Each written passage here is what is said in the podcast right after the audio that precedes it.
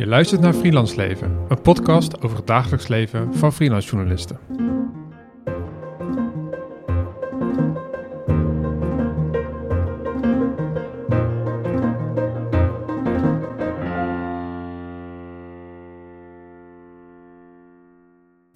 Welkom bij een nieuwe aflevering van Freelance Leven. Ik ben Ern van het Hof. Ik doe een promotieonderzoek naar de arbeidsomstandigheden van freelance journalisten. En ik zit hier met Sanne Poot. Hallo.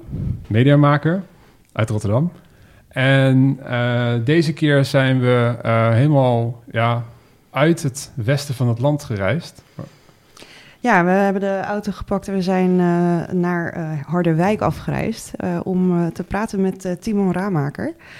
Uh, ja, hallo, welkom. Hoi, ja, leuk. Ja, leuk fijn dat wij welkom zijn bij jou. Ja, nee, leuk dat jullie hier zijn. Ja, ja we zitten hier natuurlijk niet zomaar. Uh, jij doet ook een promotieonderzoek, Timon. En kan je vertellen waar dat over gaat?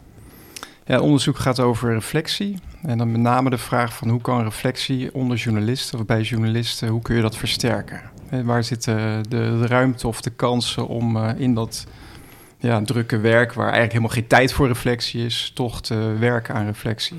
aan het kritisch nadenken over je eigen werk. Uh, met het oog op ja, verbetering van je werk.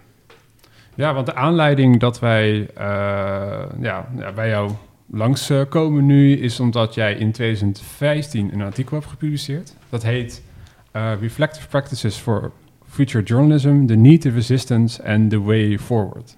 En dat is natuurlijk 2015. We zijn nu al een aantal jaar verder. je bent nog steeds bezig met je promotieonderzoek, dus je zal vast wel tot nieuwe inzichten zijn gekomen.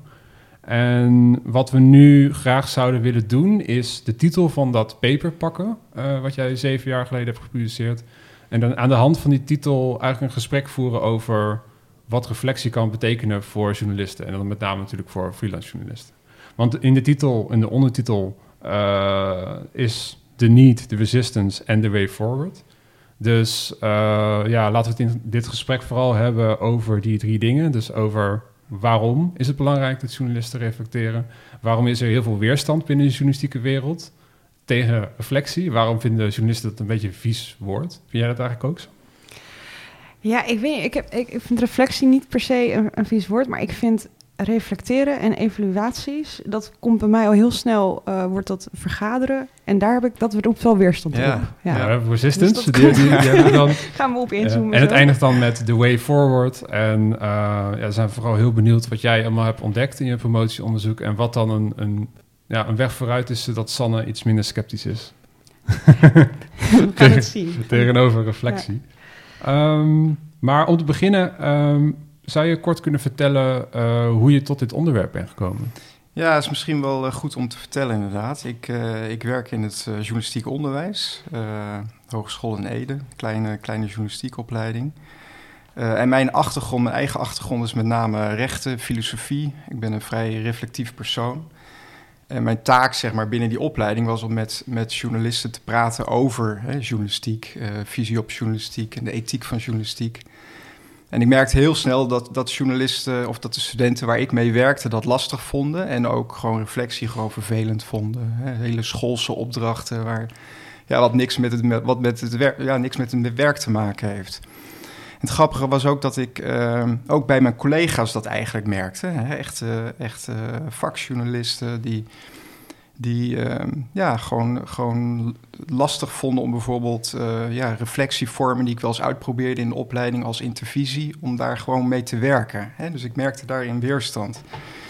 Dus ik had aan de ene kant mijn eigen uh, behoefte aan reflectie. En het, ik, ik, ja, ik zag het belang wel, maar dat landde op een bepaalde manier niet. En ondanks mijn ja, proberen om te leren van andere vakken en dat te incorporeren dus in mijn eigen nadenken erover kreeg ik eigenlijk zo'n idee van... ja, dat, dat moet iets met gewoon de journalistieke cultuur te maken hebben. Met gewoon het vak zelf. Hè? Dat, uh, daar zit gewoon een bepaalde dynamiek die gewoon ja, reflectie misschien lastig maakt. Dus vanuit dat zoeken, vanuit die vraag, vanuit die, uh, dat vermoeden... ben ik eigenlijk ja, gaan kijken of ik hier niet een promotieonderzoek over kon, kon schrijven, kon maken...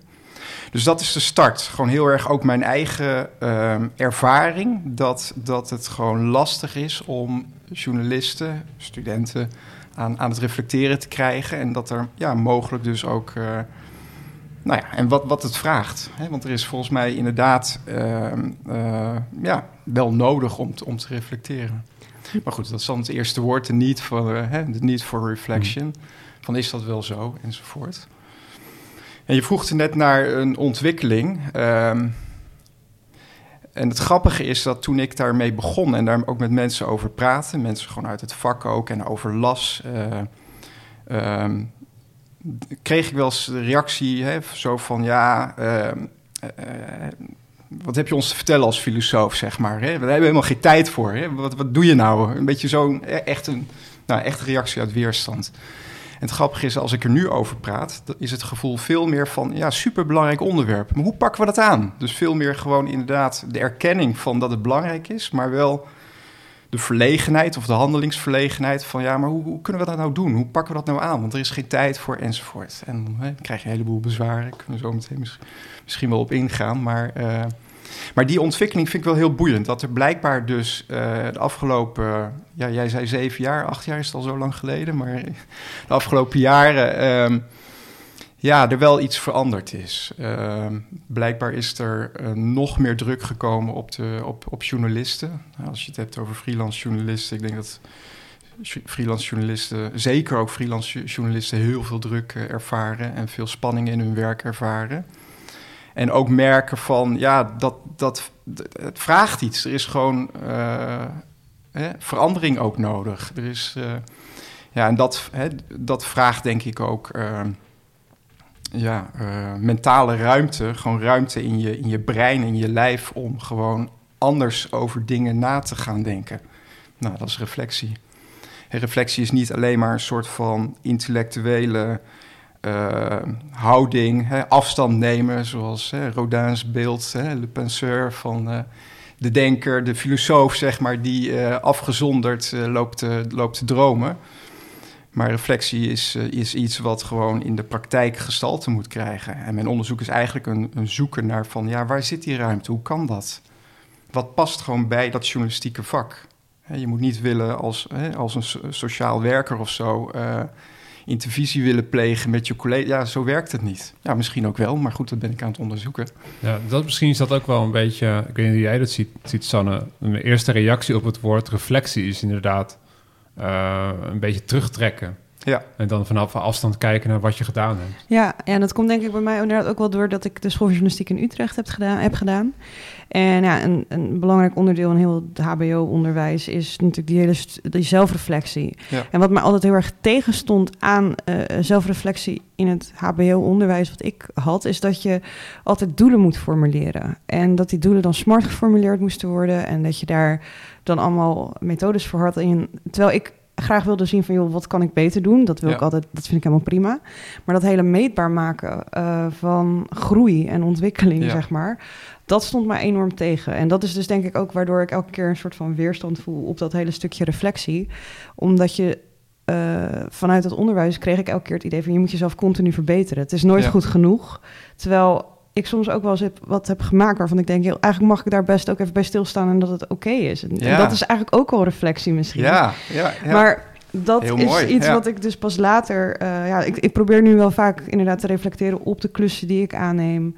Of die eh, ook echt wat toevoegen. En of dat werk wat ik daar dan voor doe, voor doe ook echt iets... ehm, een beetje de moeite waard is. Ja. Ehm, en dat is natuurlijk wel reflectie. Maar het hele woord reflectie en het Ja, reflecteren precies. met mensen... dat voelt voor mij al heel snel alsof je dus weer teruggaat naar die meetbare doelen. Ja, En ja. eh, ja, het, het, het commercialiseren van het werk. En, het, ja, dat, dat, dat, en dat staat mij dan weer tegen. Nee, maar ik kan me voorstellen dat heel veel van die schoolervaring, inderdaad, eh, journalisten in Nederland in ieder geval, eh, ja, negatieve bias heeft gegeven bij, bij reflectie, zeg maar. Ja. Ja. En dat doel, ja, ik wel interessant wat je zegt. Ik denk, ik, kan me dat voorstellen. Ik denk dat het in reflectie wel eh, zinvol is, eh, maar dat is dan een van de dingen, hè, als je gewoon kijkt van hoe moet het dan wel. Eh, niet dat hele planmatige, dat ja, wel als het bij je past, maar, maar wel de vraag steeds stellen van hè, bij, bij alle gedachten, alle gesprekken die journalisten ook onder, onder elkaar hebben, van wat ga ik hiermee doen? Hè, dus vanuit de, de ideeënrijkdom die er gewoon onder journalisten is en, en, en hè, alle gesprekken die er zijn, die er altijd zijn geweest. Hè, want aan de ene kant is er in de literatuur heel vaak gezegd dat journalisten niet reflecteren, dat journalistiek een a-reflective profession is. En waar wordt dat dan op gestoeld? Zeg maar? Ja, dat vind ik een goede vraag. Um, uh, want er is volgens mij niet, niet uh, keihard onderzoek of zo naar gedaan. Maar um, ik denk dat het voor een deel, maar dit, dit, dit is mijn, mijn beeld dat voor een deel het gewoon uh, voortkomt uit uh, eigenlijk wat we gewoon ja, ook ja, ja, al tientallen jaren zien, dat journalisten gewoon een hoop bagger over zich heen krijgen. En een hoop kritische vragen vanuit politiek, vanuit allerlei sectoren gewoon over zich heen krijgen. Hè. Uh, journalisten ehm, nou, krijgen gewoon veel kritiek. Hè. En het is ook heel gemakkelijk om kritiek te geven op, op journalisten. En, en journalistiek werk is ook mensenwerk. En er worden ook fouten gemaakt. En dus veel van die kritiek die is ook best uh, ja, heel redelijk en, en, en, uh, en, te, en te begrijpen. Maar ik denk dat een beetje dat beeld wat, wat er rondom journalistiek is, eigenlijk ook dat beeld heel sterk geschetst heeft van, van het is een a-reflective profession. Uh, maar mijn intuïtie aan het begin van het onderzoek, en dat is wel echt bevestigd ook gewoon in ja, dat beeld heb ik nog steeds wel heel sterk, van ja, ondertussen zijn journalisten wel degelijk aan het reflecteren. Alleen merken ze of benoemen ze dat vaak zelf niet als reflectie, omdat het er niet uitziet zoals hè, die, uh, die, die denken van Rodin of, of wat dan ook. Maar ja, als je realiseert hoeveel journalisten met elkaar praten gewoon over het vak en over concrete ervaringen, ja, daar zit op zijn minst een aanzet voor reflectie. Ja, dat eigenlijk in de auto hebben we het ook al over journalistiek ja, gehad. Daarom. Ja, uh, weet je wel, over, over, over de, de oorlog in Oekraïne, hoe daar verslag van gedaan. We hebben allemaal dat soort gesprekjes. Ja, dat, dat is in principe een reflectie ja. op hoe de stand van zaken in het medialandschap is. Um, ja, dat, dat doen we dus onbewust al wel. En toch had je zoiets, er moet extra aandacht komen voor ja. uh, reflectie onder journalisten. Nou, ik denk dat, dat dus, dus uh, ik, volgens mij is er heel veel reflectie al onder journalisten. Ik heb dat ook in mijn onderzoek uh, geprobeerd te inventariseren van, van waar vindt reflectie plaats. Dus ik heb gewoon gekeken, heel breed met mensen gepraat, gekeken, gelezen, agenda's bekeken van waar wordt er gepraat over het vak, wat doen journalisten, hè, wat is er aan accountability, want heel veel van die accountability instrumenten zijn natuurlijk ook hele belangrijke plekken zeg maar, van reflectie. Nou, en dan zie je dat er heel veel kansen zijn. Ik heb dat gegroepeerd en ik kwam uiteindelijk tot 75 uh, hè, codes, 75 uh, uh, vormen zeg maar, van, van reflectie. Dat is natuurlijk niet keihard, want misschien zijn het net wel meer of minder. Uh, maar in ieder geval een enorme variëteit aan vormen. Van heel formeel, hè, een ombudsman die werkt binnen, binnen een redactie en daar gewoon hè, werkt ook aan reflectie, zelf reflecteert. Dat deelt in zijn column. Maar ook heel informeel. Hè. Het voorbeeld van jullie, je zit het in de auto en je praat met elkaar over het vak. Um, en je kunt het heel erg individueel doen. Hè? Dus, dus uh, nou, je, zit in de metro van je werk naar huis en je denkt na over je vak. Maar je kunt het ook heel collectief doen, hè? met collega's of zelfs als hele institutie. Dus op die twee lijnen van hè, hoe formeel is het, hoe collectief is het, heb ik uh, dat uh, ja, een inventarisatie proberen te maken. En kwam, ja, kwam tot de conclusie, er zijn zoveel kansen, zoveel gelegenheden. En het gebeurt dus ook veel. Ik heb niet onderzocht van hoe goed gebeurt het, wat is de kwaliteit ervan, of hoe vaak gebeurt het, maar er zijn wel heel veel kansen. En dan is de vraag voor mij vooral van, uh, zien journalisten de kansen die er in hun werk zijn? En benut je dat ook, die kansen die er zijn, om echt er ook echt van te leren? Want een van de eerste keuzes die ik in mijn onderzoek maakte was van... ik, ik, ik zie reflectie niet als een activiteit die je primair doet om je te verantwoorden. He, dus het is niet alleen maar een accountability instrument. Mm -hmm. Ook al is reflectie super belangrijk als je accountable en transparant ja, in, in wil het paper, zijn. In het paper zeg je ook van uh, reflectie is niet per se alleen maar evaluatie. Nee, ja. nee. Maar je, je, doet, je reflecteert om gewoon te leren. Om, om gewoon, hè, je bent nieuwsgierig ook naar je eigen werk. En wat kan er beter of wat kan er anders? Dus je doet het. Nou, accountability, dat kan een doel zijn. Maar je kunt, ja, ook voor innovatie is, is reflectie essentieel. He, als je maar vastzit in de oude vertrouwen patronen, de manieren van doen en de mm. oude routines en, de, en niet buiten uh, bepaalde formats uh, kunt werken, uh, um, ja, dan, dan zit je vast. Je moet gewoon soms fris denken, nieuw denken. Nou, daar heb je gewoon reflectie voor nodig. Dus accountability, innovatie, maar de laatste jaren eh, zie je ook steeds meer dat uh, journalisten zoeken naar uh, reflectieruimte of vormen van reflectie, omdat ze merken dat ze het voor hun eigen welzijn gewoon nodig hebben. Je hebt gewoon ruimte in je brein en in je lijf gewoon nodig, in je ziel nodig, om gewoon mens te zijn. Hè?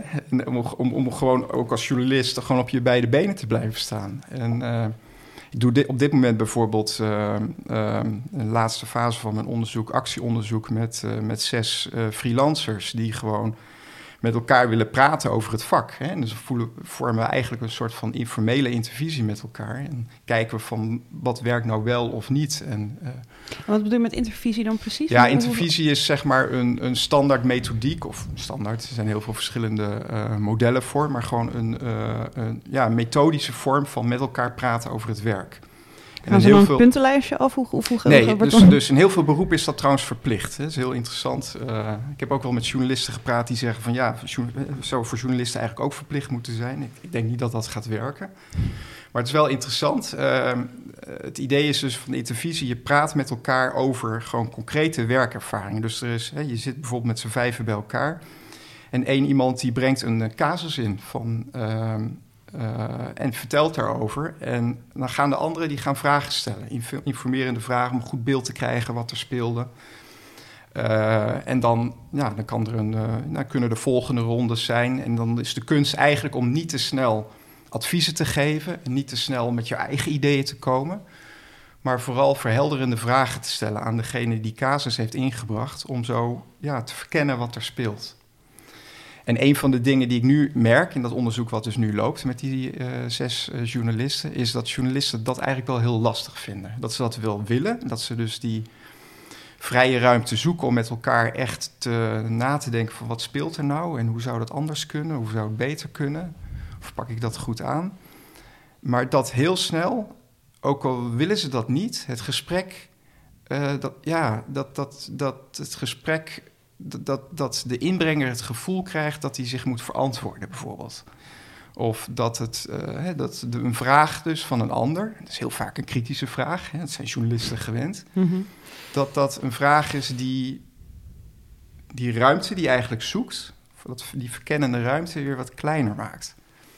En dat, dat vind is, ik dat heel is een voorbeeld, Dat is een voorbeeld van, van die weerstand die dan, dan bij... Nou, het is niet een voorbeeld van die weerstand, maar dat is een voorbeeld van een, een, een proces, een dynamiek die er in journalistiek onderling zit. Hè, dat het heel snel toch, uh, om het heel onvriendelijk te zeggen, elkaar aftroeven met de slimste vraag of de kritischste vraag. Of ja, omdat er toch ook een soort van concurrerende sfeer kan zijn in een redactie, waar je toch jouw idee moet pitchen en dat die dynamiek die er onder... Er is veel gesprek onder journalisten. Hè? Ik heb het net gezegd, van daar, daar ligt mhm. een kans. Maar die, diezelfde dynamiek, die maakt het soms moeilijk... om echt met elkaar eerlijk en open over de, je eigen ervaringen te praten. Ja, dat zijn dan ook weer persoonlijke ervaringen. Ik, ik, denk dat daar ook wel, als ik het heb over weerstand en zo... dat daar al heel snel een, uh, een punt zit waarvan ik denk... oh, misschien is dat wel ingewikkeld. Want als journalist vertel ik heel graag verhalen van andere mensen ik schrijf heel graag op de verhalen van mensen die niet gehoord worden of die het zelf niet goed kunnen vertellen of wel oké kunnen vertellen en dan film ik het graag. Maar dan kan ik er dat je dat verhaal op een mooie manier naar buiten brengen. Maar je eigen verhaal, weet je, ja, ik ben, niet, ik ben geen columnist geworden. ik ben journalist. Ik probeer te vertellen wat de feiten zijn en dergelijke. En ik probeer zo min mogelijk emotie daarin mee te gooien. En als je dan gaat reflecteren, dan heb je al snel dat gevoelstukje en het persoonlijke verhaal, waar je tenminste als je beroepsdeformatiever naar kijkt, misschien juist veel liever afstand van houdt. Want het gaat niet om jou en jouw verhaal, het gaat om je onderwerp, zeg maar. Ja, precies. En maar dat, wat jij zegt, ehm, die, dat, dat hoor ik ook bij journalisten in, in, in individuele interviews die ik heb gehouden, ook terug en in focusgroepen die ik heb gehouden terug. Dat zij zeggen van ja, hè, individueel, hè, bijvoorbeeld als freelancer, je, je, ja, je doet toch je werk met, ja, een soort van passie vaak ook. Hè. Je investeert in ieder geval heel veel hè, tijd, maar ook veel van jezelf. En dan, ja, dan is het toch je, je kindje, zeg maar. Hè? Daar moeten anderen niet te veel over zeggen. Dus, dus zodra er dan iemand vragen gaat stellen over je werk, die misschien heel constructief bedoeld zijn, maar die kunnen toch snel uh, jou in defensief brengen. Hè? Uh, dus nou ja, dat is dan die, ja, die kunnen snel toch die weerstand triggeren. Ja. En, en ja, en vaak is dat helemaal niet bedoeld. Dus er zit, zeg maar, nou ja, dus er zit in die, ehm, nou, de, de, de, de kritische manier waarop journalisten hè, gewend zijn gewoon hun werk te doen, die, die kan ook tegen zich, hè, tegen, tegen, tegen, tegen henzelf eh, keren. Ja, dit, dit klinkt een beetje als, eh, je hebt als grofweg de journalistieke ideologie. En daarin is bijvoorbeeld objectiviteit wordt vaak als heel belangrijk gezien. Ja. Eh, wat in de lit- andere literatuur ook eh, kritisch wordt benaderd. Omdat als jij altijd objectief wil zijn, dat dat emotioneel zijn tol zou kunnen Ja. eisen. Omdat alle journalisten zijn mensen. eh, hebben ook een bepaalde hè, waardepatroon Ja. in zich en doen daarom een bepaald soort journalistiek. Dus kan je altijd objectief blijven, daar kan je het dan over hebben. En dat zorgt dan misschien voor, voor weerstand. En een andere vorm van weerstand die in het eh, paper werd genoemd, is gewoon de, de dagelijkse praktische kant Ja, van werk op een redactie of werk als freelancer natuurlijk. Dat Ja. je je moet verhouden met redacties, je moet eh, artikelen schrijven, je moet geld verdienen. ja. Eh, je zit eigenlijk in een soort trein van productie. Eh, zit daar ook een soort kern van Ja, zeker. Ik denk dat daar, dat is het eerste waar journalisten op wijzen. Van, hè, daar hebben we geen tijd voor. Hè, we willen best, we willen het graag, maar, maar we hebben hoe, wanneer? We hebben er geen tijd voor. En, ehm, en, en in die paper die, de, die ik toen geschreven heb, ja, daar, daar heb ik vooral ehm, ehm, ja, eigenlijk dus die weerstand van er is geen tijd of eh, eh, het past niet bij het vak, hè, bij de cultuur van het vak of eh, het is te academisch of zo.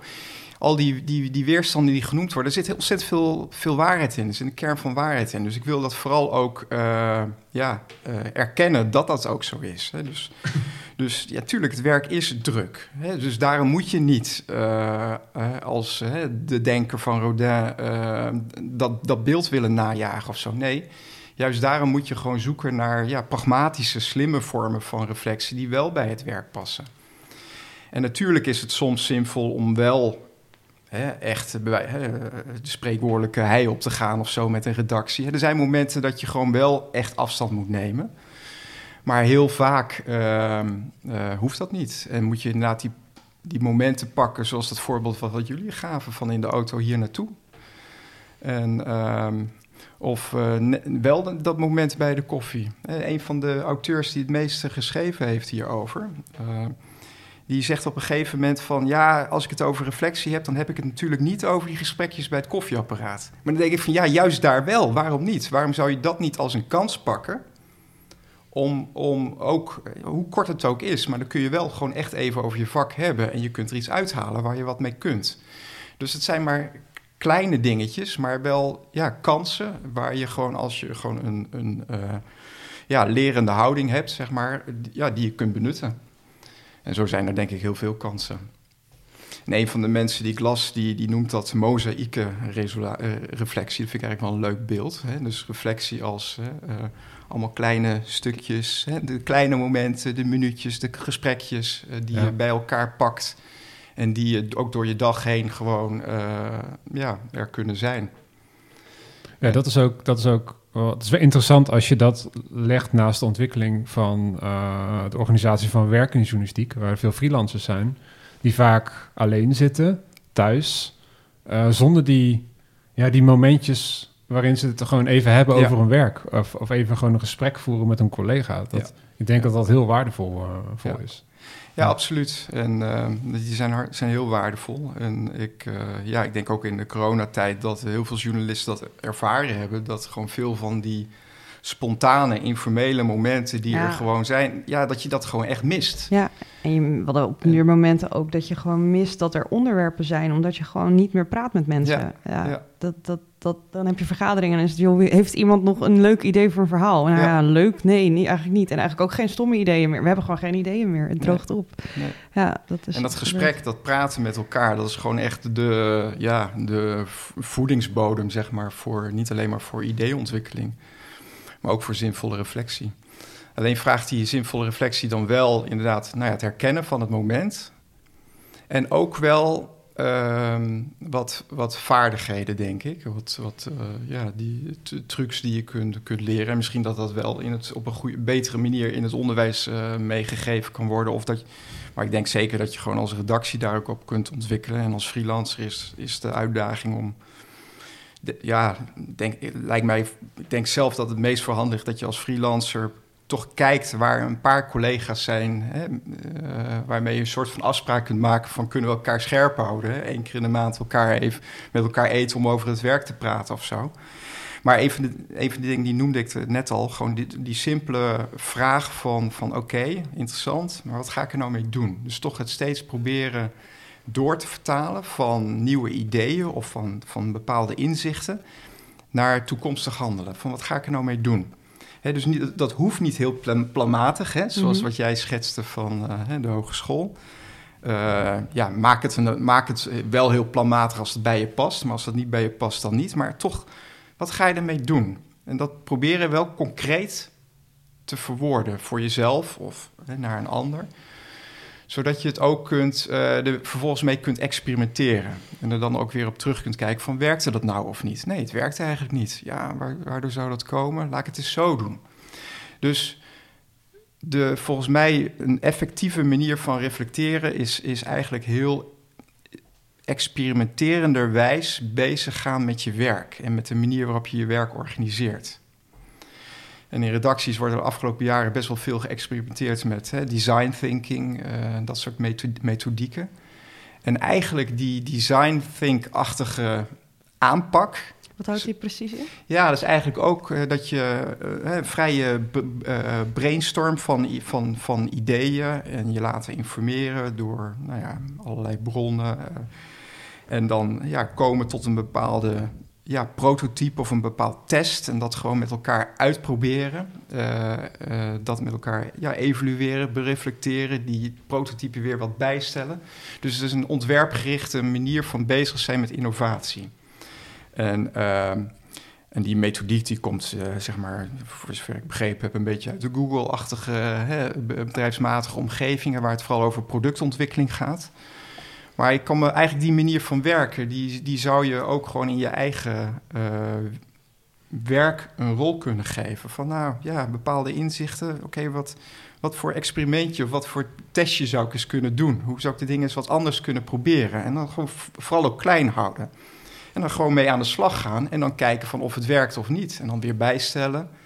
En, dan, en, zo, hè, op zo'n manier ga je gewoon heel iteratief, heel cyclisch... kun je gewoon werken aan, eh, ja, aan je werk. Dus dat is een bepaald beeld wat bij mij eh, naar voren Ja. komt van... eh, Ja, misschien ook een manier van werk vinden die goed voelt voor jezelf. Want wat ik, ik vond het wel mooi wat je net zei van ehm, dat, dat, dat als journalist moet je reflecteren, want je bent ook een mens en je lichaam geeft signalen, zeg maar, van, van nou, dit voelt goed en dit voelt Ja. niet goed. En ik denk zeker als freelancer, ehm, dus eh, laat, ik, laat het helemaal op mezelf betrekken, dat is misschien het makkelijkst. Toen ik als, als freelance journalist begon, eh, als schrijvend journalist, dacht ik van, nou, ik moet gewoon artikelen maken. En die moet ik, die moet ik, dan, moet ik dan ergens publiceren. En dan moet ik weer een nieuw artikel maken. En dan uiteindelijk heb ik dan een, lopende freelance praktijk. Maar ja, al gauw loop je dan stuk in de huidige organisatie van werk in de journalistiek. Want dat betaalt heel weinig en, en dan kom je niet rond. En ja, dan kom je toch in een soort, soort, bijna in een soort crisis van... ik doe toch alles wat ik geleerd heb, maar toch werkt het niet. En ik denk dat als ik eh, wat zelf wat bewuster bezig was geweest met reflectie tijdens dat proces, dan had ik misschien al eerder op de rem, aan de rem getrokken en gedacht van oké, dit werkt gewoon niet voor mij. Dit is vrij stressvol, dit, dit, dit levert niet genoeg op om ja, het op te bouwen wat ik op zou willen bouwen. Dus misschien moet ik even reflecteren op hoe de journalistieke economie eruit ziet. Ja. Wat voor journalistiek ik zelf zou willen maken. Want dat was alle, allerlei verschillende soorten verhalen door elkaar, waardoor ik niet echt expertise opbouwde. Dus ik, vind jij dit herkenbaar, dit soort... eh, Ja, ik vind dat verhalen? wel herkenbaar. Het is, ik heb ook een periode gehad, nou, toen ik begon, dat ik volledig generalistisch bezig was en ook van het een naar het ander alles aangreep. Ik, denk ook even terug aan het gesprek dat we met Shaila Chitassing eh, hadden hierover. Die ook op een bepaald moment, weet je wel, op een bepaald moment zegt je lichaam of je geest of iets zegt gewoon stop. En dan moet je wel reflecteren en dan ga je bepaalde klussen laten vallen. Of Ja. je gaat iets anders erbij doen. Uh, je gaat specialiseren uh, en uh, gerichter op bepaalde klussen reageren. En ik denk wel dat dat een, um, ja, een, een, een, programma is, bijna wat elke freelance journalist die net afgestudeerd is, een beetje doorgaat. En dat bijna iedereen die fouten ook wel zelf lijkt te moeten maken om daarvan te willen kunnen leren. Zeg maar. Ja. Ja, ja, ja, wel herkenbaar. En ik denk de uitdaging is om het niet zo ver te laten komen dat je echt in een burn-out terechtkomt. Ja. Dat je echt moet reflecteren. En, ja. Uh, maar dat je uh, als journalist gewoon sneller gewoon ook signalen uh, ook voelt in je lijf.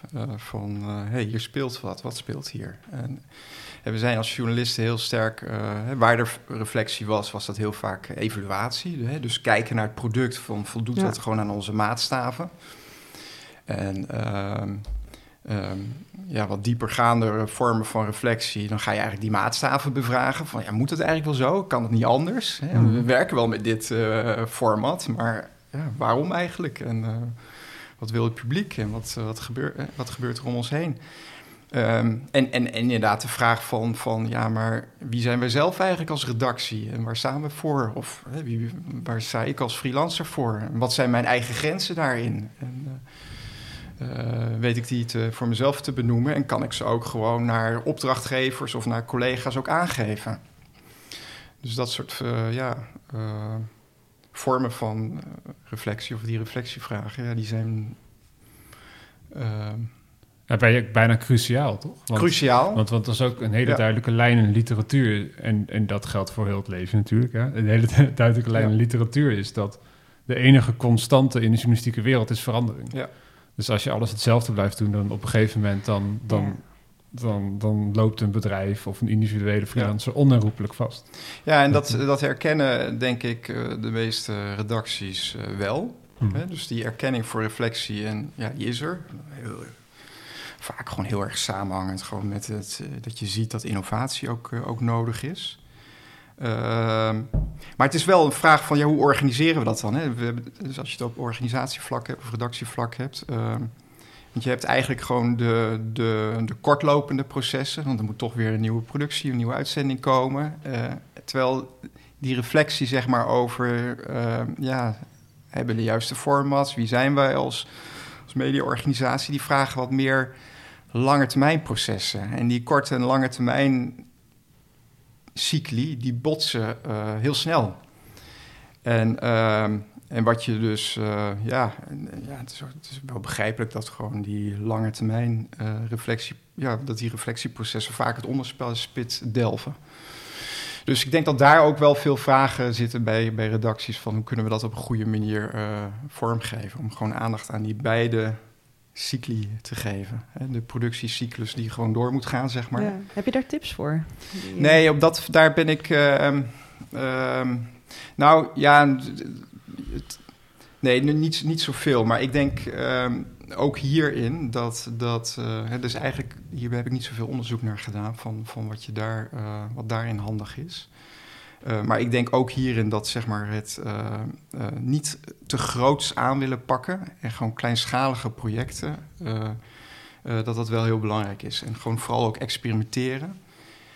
maar dan ook volgen wat er, wat, wat, er gebeurt. En, en ook een soort van commitment hebben om dat te volgen. En daar ook continu mee bezig te zijn. En dat gewoon ook echt serieus te nemen. Want vaak zijn dit soort projectjes. ja, ik zou niet zeggen eendagsvliegen, maar uh, dat het... Uh, het gaat ja, er gauw uit, weinig... het, vergeet, het, ja. het slipt niet heel... Ja, uh, het heeft geen prioriteit. Nee, precies. Het heeft geen koppen die je maakt met heel veel kliks en dat soort dingen. Het is natuurlijk iets wat voor een redactie niet direct winstgevend is. Nee. En dat belang van dat je journalisten lekker in, je vel, in hun vel blijven zitten en iets maken waar ze achter staan. Dat heeft uiteindelijk, denk ik, ook misschien indirect best wel een meetbaar effect op een redactie. Maar ja, dat ja. mensen daarvan overtuigen, dat is denk ik nog best wel Ja, lastig. maar ook die aandacht voor, voor hè, mentale gezondheid bijvoorbeeld in redacties. Dat is wel iets uh, om daar echt aan te werken. Dat bijvoorbeeld een redactiecultuur uh, veilig is. Hè? Dus, dus veel aandacht voor psychologische veiligheid. Dat betekent dat, hè, dat er in de cultuur... Uh, of in de literatuur is er veel aandacht voor psychologische veiligheid. En je ziet ook dat er in de media wel veel over geschreven wordt. Het concept betekent dat, dat je gewoon, hè, toegepast op een redactie, dat je als redactieleden, als journalisten, je, je mening durft te vertellen zonder dat je bang bent dat je gelijk afgeknald wordt of afgeserveerd wordt. En uh, uit de gesprekken die ik heb gehad met journalisten, uh, krijg ik het beeld naar voren dat er weinig psychologische veiligheid in redacties is. En uh, nou, ik denk dat elke, elke uh, chef, elke hoofdredacteur zal zeggen: ja, maar dat willen we wel. En we willen wel graag een open leercultuur hebben. We willen wel een psychologisch veilige cultuur. Maar aandacht daarvoor, dat is echt een lange termijn proces. Ja, er is toevallig net een, uh, een paper verschenen van uh, Onella Porcu. Ja. En uh, dat gaat hier ook een beetje over. Ja. Over, over dat ook, gaat ook over innoveren op de redactie. En ik was het gisteren aan het lezen. En wat ik wel heel interessant in vond, is dat er een soort van categorisering van soorten mensen op een, op ja. een redactie werd gemaakt. En dan heb je gewoon de, ja, de hoofdredactie en, en de mensen in managementfuncties. En een andere laag was een soort van geprivilegeerde individuen. Dus meestal schrijvers die er al heel lang zitten, die een soort aanzien hebben. Die kunnen eigenlijk helemaal doen wat ze willen. En helemaal onderaan die ladder stond dan de flexibele schil, die ja. Ja eigenlijk er niet helemaal bij hoort. En, en, en ja, er zijn enorm veel interviews gedaan voor, voor dat paper. En daar ontstond echt het beeld van als freelancer voel je je heel vaak niet veilig om met een innovatief idee te komen. Omdat je dan eigenlijk een beetje de status quo bekritiseert. En je wilt natuurlijk ook gewoon je werk houden. Ja, dus, dus daar kwam inderdaad ja. die, die, die onveiligheid heel erg uh, ja. in naar voren. Ja, ik vond het, uh, ik, ik vond een mooie paper. Ik, uh, ik heb hem snel ge gelezen. Ik ga hem zeker nog aandachtiger lezen. Maar wat mij inderdaad opval viel, is inderdaad wat zij dan vooral benoemt als angst hè, op de cultuur. Ja. En dat dat er is, maar inderdaad niet bij iedereen. Hè? Afhankelijk van waar je in die organisatie zit. Ja, hè? status. En, en status. En uh, ja, je kunt je voorstellen dat als zeg maar uh, leidinggevende en de kring daaromheen, uh, ja, dat die iets hebben, ja, angst, hoezo? Hè? Als, als zij het totaal niet ervaren. Ja. En niet die urgentie voelen, ja, dat dat een andere werkelijkheid lijkt. Ja, er is natuurlijk ook een andere verloning voor ja. verschillende posities. Dus als jij het financieel heel ruim hebt, dan denk ik dat je ook veel makkelijker uh, open staat voor kritiek van anderen. Want ja. het, het, raakt je toch niet echt per se. En als freelancer zit je toch altijd wel met die lopende vaste lasten en uh, de onzekerheid van, joh, ik kan elk moment deze klus kwijtraken. Ja. dus ik moet wel mijn, ja, mijn inbreng zo formuleren dat mensen me aardig blijven vinden. Want dat is helaas nodig. Tenminste, dat idee blijf je elke keer, blijft in je achterhoofd. ja, uit het paper voor mij het, het, ontstond niet echt, het, helemaal niet het beeld dat hoofdredacteur met een, weet je wel, een snorretje aan het draaien zijn en zo van laten we lekker machtig zijn of zo. Nee. Dat, dat, dat, is... Dat wil ik ook niet impliceren. Hoor. Nee, maar... dat, is, dat, is niet, dat is helemaal niet waar die, waar die angst dan, dan vandaan komt. Het is allemaal wat veel dynamischer en ingewikkelder ja. dan, dan dat. Ja. Daarom is het, vind ik het ook zo mooi dat dat paper daar dan over durft te schrijven. Zeg maar, ja. Over iets zoals angst. Dat is heel moeilijk te kwantificeren. En, uh, ja. Maar het is... Uh, maar reflectie is belangrijk, denk ik, daarvoor. Ja, ook vanuit hoger nou, management. Ja, Ornella die noemt het, uh, die, uh, noemt het thema trust vooral heel sterk ook. Hè? Vertrouwen in die, als een soort ja. tegenhanger van, van angst. Een mooi woord. in mijn onderzoek werk ik vooral met begrippen openheid zeg maar, van de cultuur en die psychologische veiligheid. Maar ik denk dat er heel veel mee te maken heeft. En zowel uit literatuur, maar ook uit de gesprekken die ik heb, blijkt wel dat gewoon het leiderschap daarin wel een hele belangrijke uh, rol heeft. Uh, en gewoon een commitment aan inderdaad zo'n open cultuur en het werken aan open cultuur. Het waarderen van vragen, maar ook het werken echt aan, aan um, ja, gewoon ook, ook het, willen leren, met elkaar willen leren om op meer constructieve manier ook feedback te geven op elkaar. Dat is gewoon wel ook een thema wat ik in de interviews vaak ook tegenkwam. Dat journalisten dat zeiden van we doen het zo onhandig. Hè?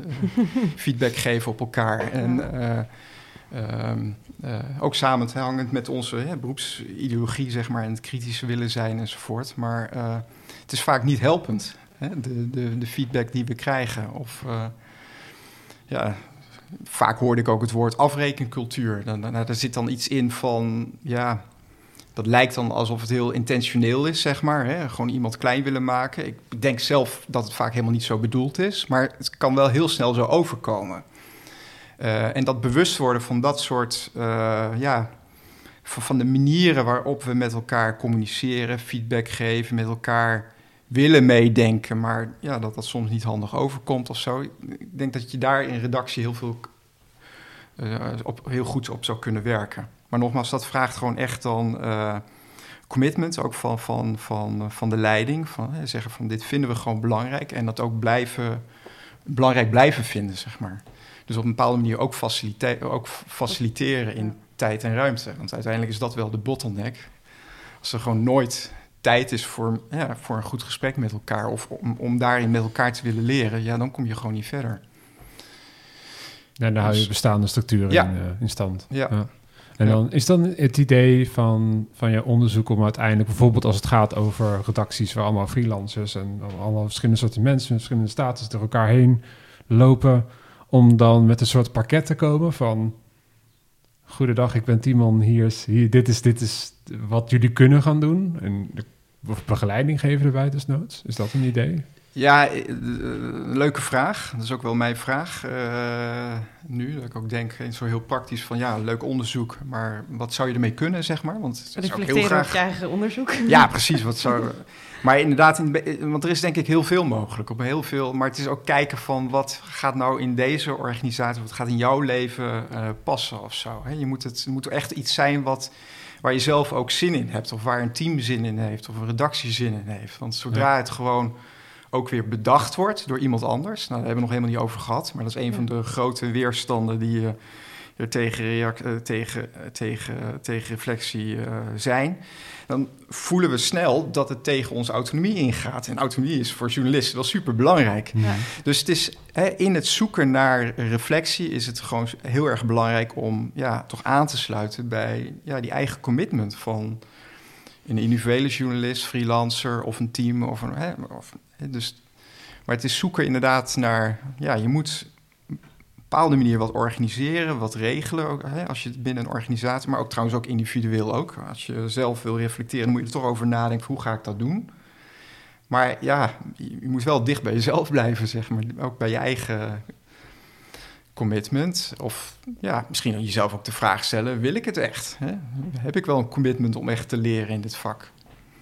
Pijnlijke vraag misschien voor sommigen. Sorry, wat zeg dat je? kan pijnlijk zijn, denk ik, Ja. voor sommigen. Want dan eh, Ja. ga je wel heel erg terug naar die essentie of iemand wel eh, in de juiste beroepgroep zit, zeg Ja. maar. Ja. Ik weet niet helemaal 100% zeker of iedere journalist echt ook eh, die mate van commitment hoeft te hebben. Maar ik denk op een beetje, ja, hoe moet je dat zeggen, niveau. Of als je. Ja, nee, ik denk toch in de dynamiek dat het, eh, dat het wel heel. eh, nee, dat je eigenlijk niet aan ons komt. Ja. Ik zit een beetje te zoeken hoe, ja, hoe, wat we van elkaar kunnen vragen. Sommige mensen zijn wat minder reflectief dan de ander. Dus misschien is het dan ook goed te kijken als je voor jezelf weet van ik ben wat minder reflectief. Om dan inderdaad gewoon eh, te kijken van hé, hey, wat voor informeel netwerk om mij heen eh, heb ik, wat mij helpt, wat me ook een beetje mee kan slepen, wat mij soms ook kan ja, vragen kan stellen of me, kan, hè, me daarin wat kan helpen of zo. En sommige mensen zijn super reflectief. En die moeten we juist eh, wat meer leren om even uit hun hoofd te komen, bij zo'n spreken. Ja. Dus, dus daar zitten individuele verschillen ook in. En als er nu een, eh, een, eh, een freelancer luistert, die heeft het allemaal gehoord. En die, die, die is hopelijk nu overtuigd van, er zit wel iets in reflectie. Dat, dat, daar kan ik iets uithalen. Wat, wat zou je dan voor concrete stap mee kunnen geven? Een eerste stap? Of, Ja, meest, meest voor de hand ligt, denk ik, en het meest ook, ook echt het meest effectief zou zijn om gewoon te kijken om je heen van wat zijn mensen die ik vertrouw, collega's of oud, oud, oud eh, studiegenoten, eh, met wie ik gewoon ja, regelmatig gewoon af kan spreken om gewoon te praten over het werk. En dan kun je heel informeel houden met een biertje erbij of lekker eten met elkaar of Hè, maar gewoon wel een soort van met elkaar een commitment van... nou, we gaan één keer in de maand of één keer in de twee maanden... eh, zien we elkaar om ook te, werken, om te praten over ons werk. En we willen gewoon daarin verder komen, leren van elkaar. Ik denk dat zoiets, zoiets is nou, voor iedereen wel te organiseren. En ik denk dat dat gewoon echt heel helpend kan zijn. ja, gewoon tijd vrijmaken om... Tijd, ja, gewoon maar gewoon, hou het gewoon informeel, hou het gewoon gezellig, leuk. Maar mensen die je vertrouwt, super belangrijk. Want het is wel belangrijk dat je gewoon dan werkt met elkaar aan een, eh, ja, open sfeer, hè, waar, ja, waar je gewoon veilig voelt, om het zo maar te zeggen. Uh, dus vertrouwde mensen, gewoon hou het informeel, uh, maar wel een commitment om gewoon te leren.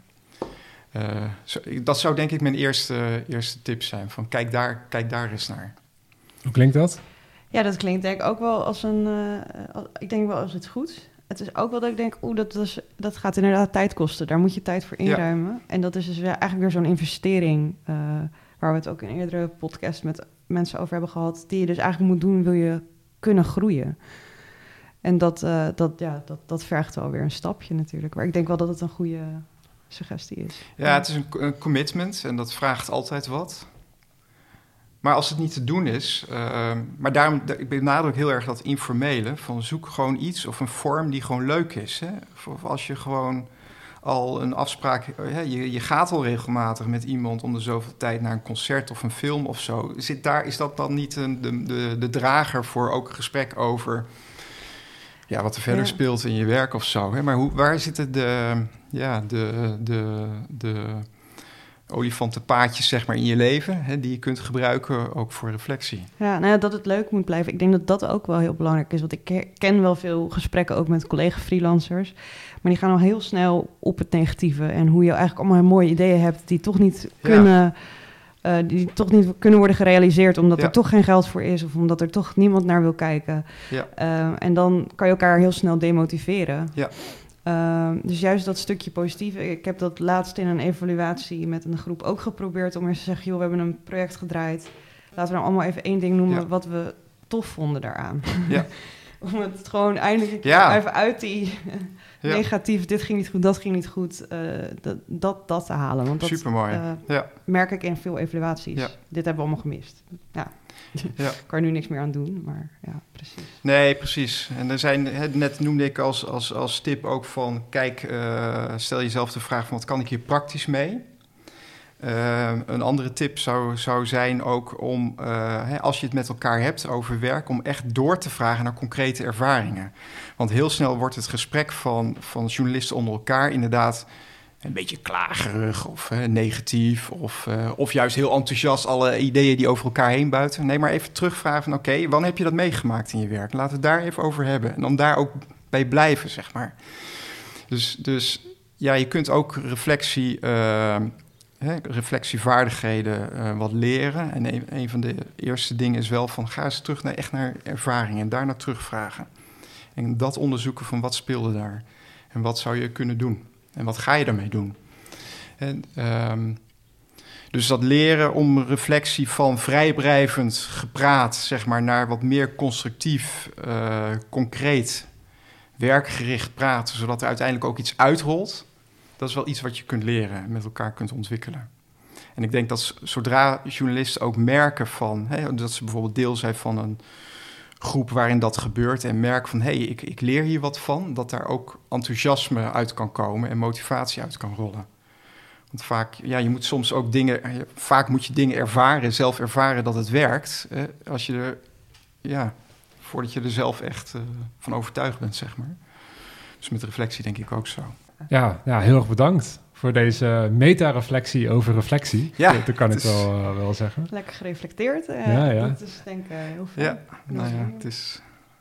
Nee, het was leuk om te doen. Ik hoop dat er, eh, ja... Ja, het is, het is, het is, dit gesprek is, helpt mij in mijn onderzoek natuurlijk ook... om eh, tegen jullie aan te houden en reacties te krijgen. En, eh, Ja, dat is wel Dus, fijn. Dus eh, dit is eigenlijk ook al reflectie wat we aan het doen zijn. Met onze podcast zijn we eigenlijk wel heel goed bezig, Erwin. Ja, ja, nee, absoluut. Jullie podcast Onge- is, eh, ongetwijfeld. die eh, zit gewoon in die, in die eh mapping van mij. Dat, ja. ja. zijn we, een van, de- we zijn een van die 70-plus datapunten. Ja, ja, ja. ja, nee, maar ja, podcast. Ja, één grote groep is metajournalistiek in mijn onderzoek. Hè, Oh, ja. van, eh, van allerlei vormen. Hè, die 75 is er allemaal in groepen ingedeeld, eh, bla bla. Maar eentje metajournalistiek. Hè, dat je in een journalistieke vorm aan het reflecteren bent. Ja. Nou, dat is, dat, je ziet dat neemt een enorme vlucht. En jullie podcast is daar een heel mooi voorbeeld eh, in. Nou, die kunnen we zak hartstikke steken. Nemen we mee. Ja. Ja. ja, kunnen we je onderzoek nog ergens lezen straks als het eh gepubliceerd Ja, ik ga zeker kijken naar manieren waarop het gewoon echt beschikbaar en gebruikt kan worden en erover gepraat kan worden. Want eh, uiteindelijk hoop ik dat het, eh, Nou, praten kunnen we wel. Journalisten dat wat gaan we mee zeker kunnen. de Ja. komende tijd blijven doen. Dankjewel. Ja, heel erg bedankt. Ja, graag gedaan. Dat is leuk. Freelance Leven wordt mede mogelijk gemaakt door het Lira-fonds Reprorecht. Mijn promotieonderzoek, dat ten grondslag ligt aan deze podcast, wordt mogelijk gemaakt door Stichting Democratie en Media en het Stimuleringsfonds voor de Journalistiek. Wij zijn er volgende maand weer met een nieuwe aflevering. Tot dan!